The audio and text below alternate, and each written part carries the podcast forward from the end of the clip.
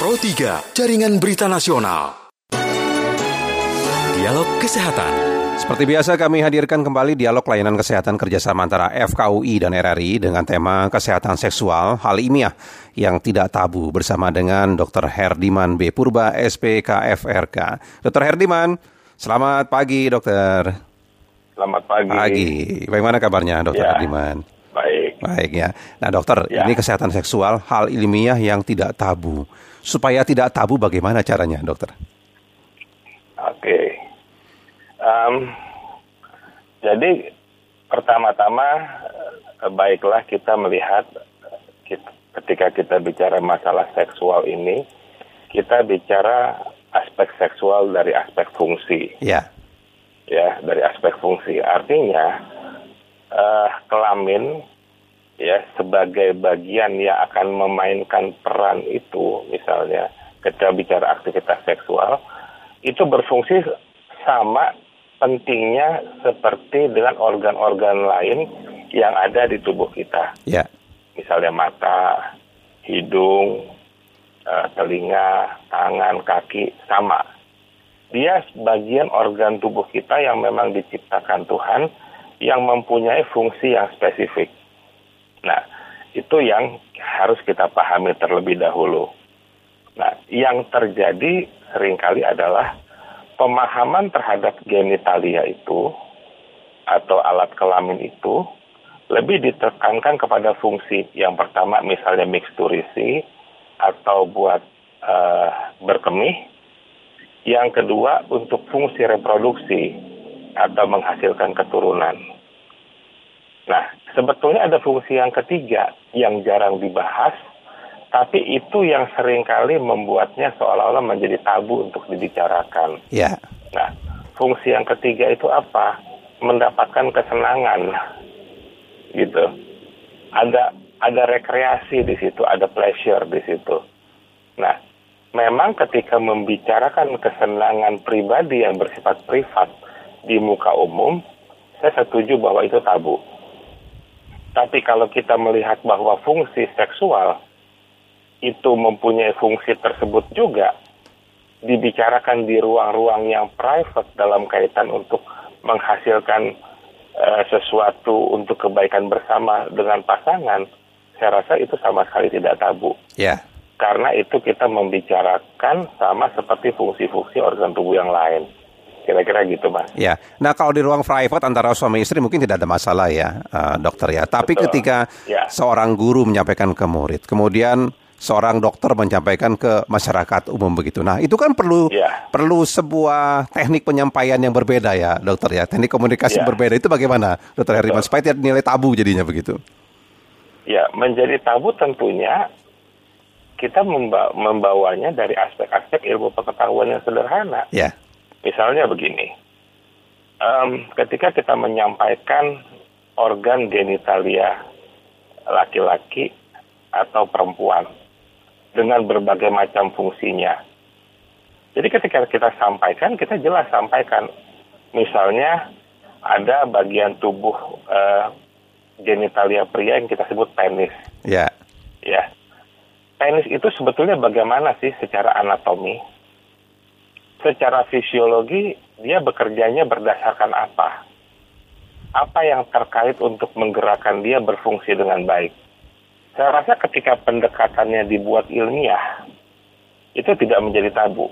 ya, Yang menjadi tabu adalah ketika kita mengikutkan misalnya kebiasaan di suatu daerah yang terkait dengan eh, misalnya kebiasaan masyarakat tertentu atau sesuatu yang bersifat eh, mitos-mitos di dalamnya itu yang kemudian membuat orang menjadi tabu Ya. berpikir tabu untuk membicarakannya gitu Nah, tapi kalau kondisi di negara kita kan agak berbeda ya, eh, dokter ya dengan negara lain lah begitu yang sudah lebih terbuka soal ini ya. Nah, kalau di negara kita itu bagaimana kenapa ini masih menjadi sesuatu hal yang tabu meskipun kadang-kadang dibicarakan secara ilmiah, eh, dokter Herdiman? Apa yang menjadi penyebab kamu menurut dokter?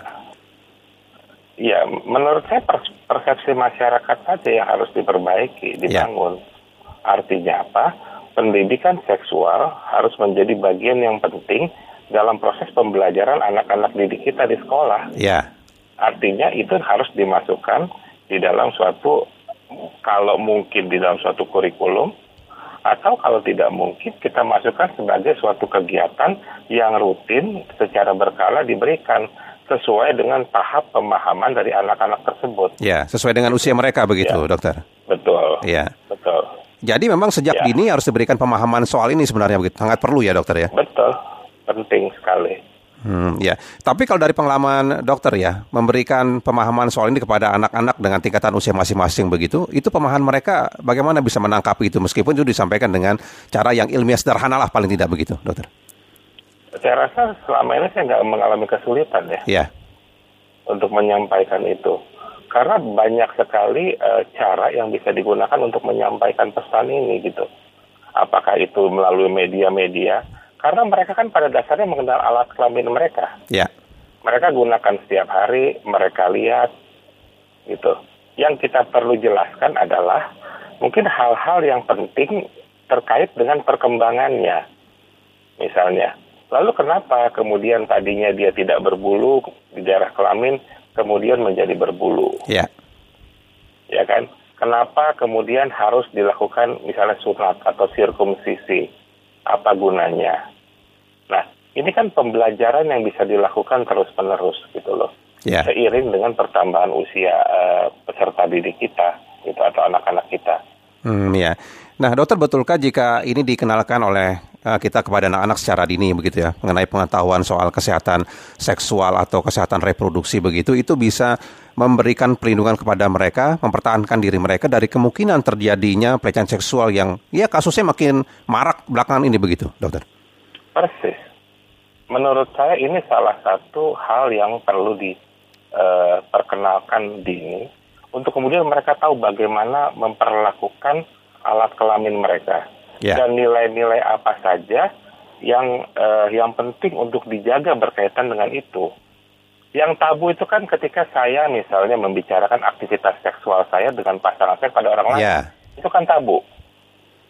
Nah, Jadi harus bisa dibedakan misalnya, begitu ya, dokter ya? Yeah. Iya.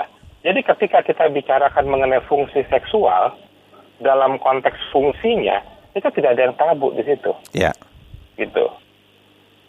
Ya, Karena itu ilmiah begitu ya, dokter ya. Bisa dijelaskan secara ilmiah begitu ya, meskipun dengan Betul. cara yang sederhana begitu ya, dokter. Iya. Hmm, iya. iya. Karena banyak cara kok. Kita bisa pakai uh, manekin, kita bisa pakai gambar-gambar, kita ya. bisa pakai apa. Atau animasi, ya. animasi mungkin kalau anak-anak yang animasi, lebih mudah ya, dokter. Iya.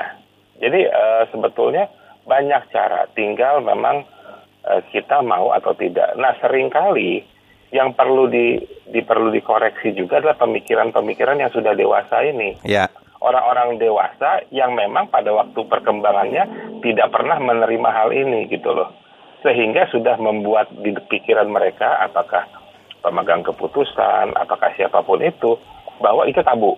Tidak ya. tidak perlu dibicarakan, tidak har, tidak boleh dibicarakan bahkan seperti itu.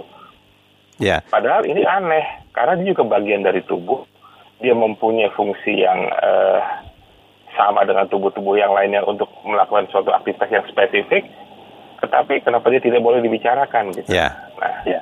Ya. Nah, tapi kalau dokter perhatikan ya, sekarang ini soal pendidikan kesehatan seksual atau kesehatan reproduksi ya sejak dini kepada anak-anak itu, apakah sudah menjadi prioritas di sekolah-sekolah atau mereka enggan memasukkan itu begitu, eh, dokter?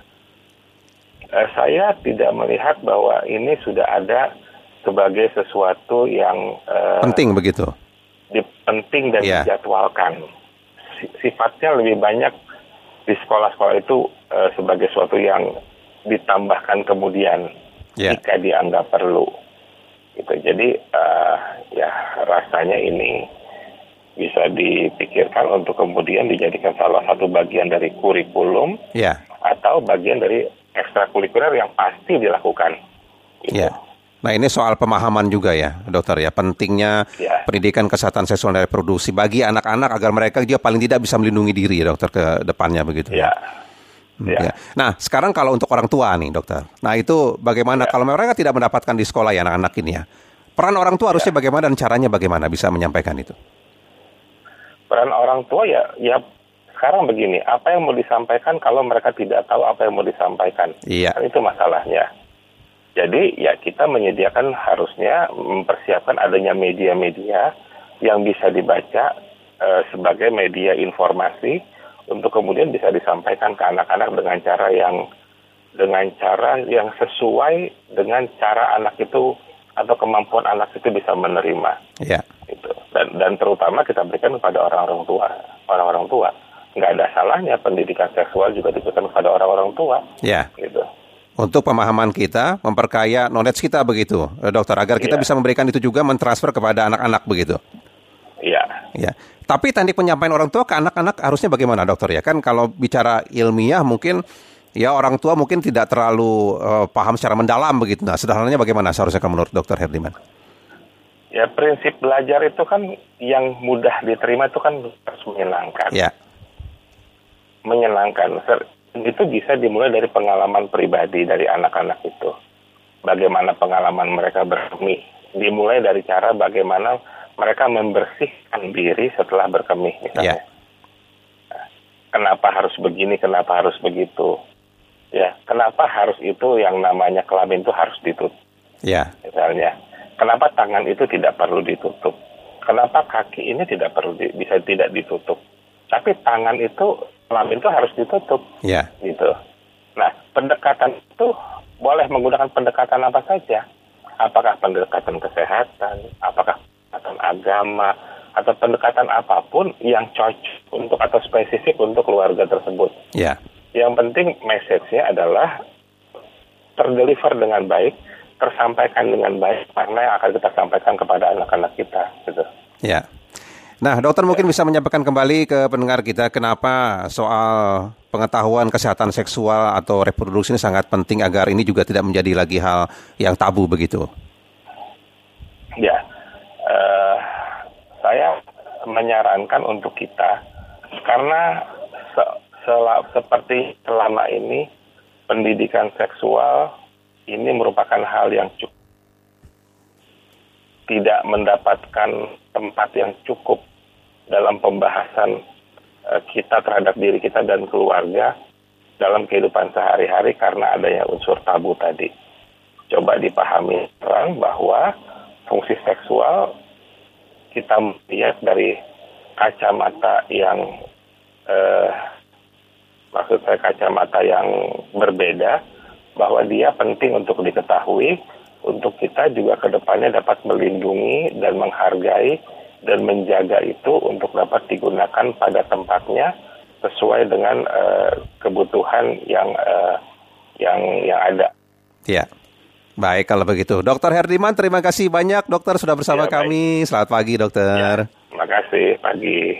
Demikian tadi mendengar ya dialog layanan kesehatan kerjasama FKUI dan RRI dengan tema kesehatan seksual hal ilmiah yang tidak tabu bersama dengan Dr. Herdiman B. Purba SP KFRK dari Departemen Rehab Medik. Dialog Kesehatan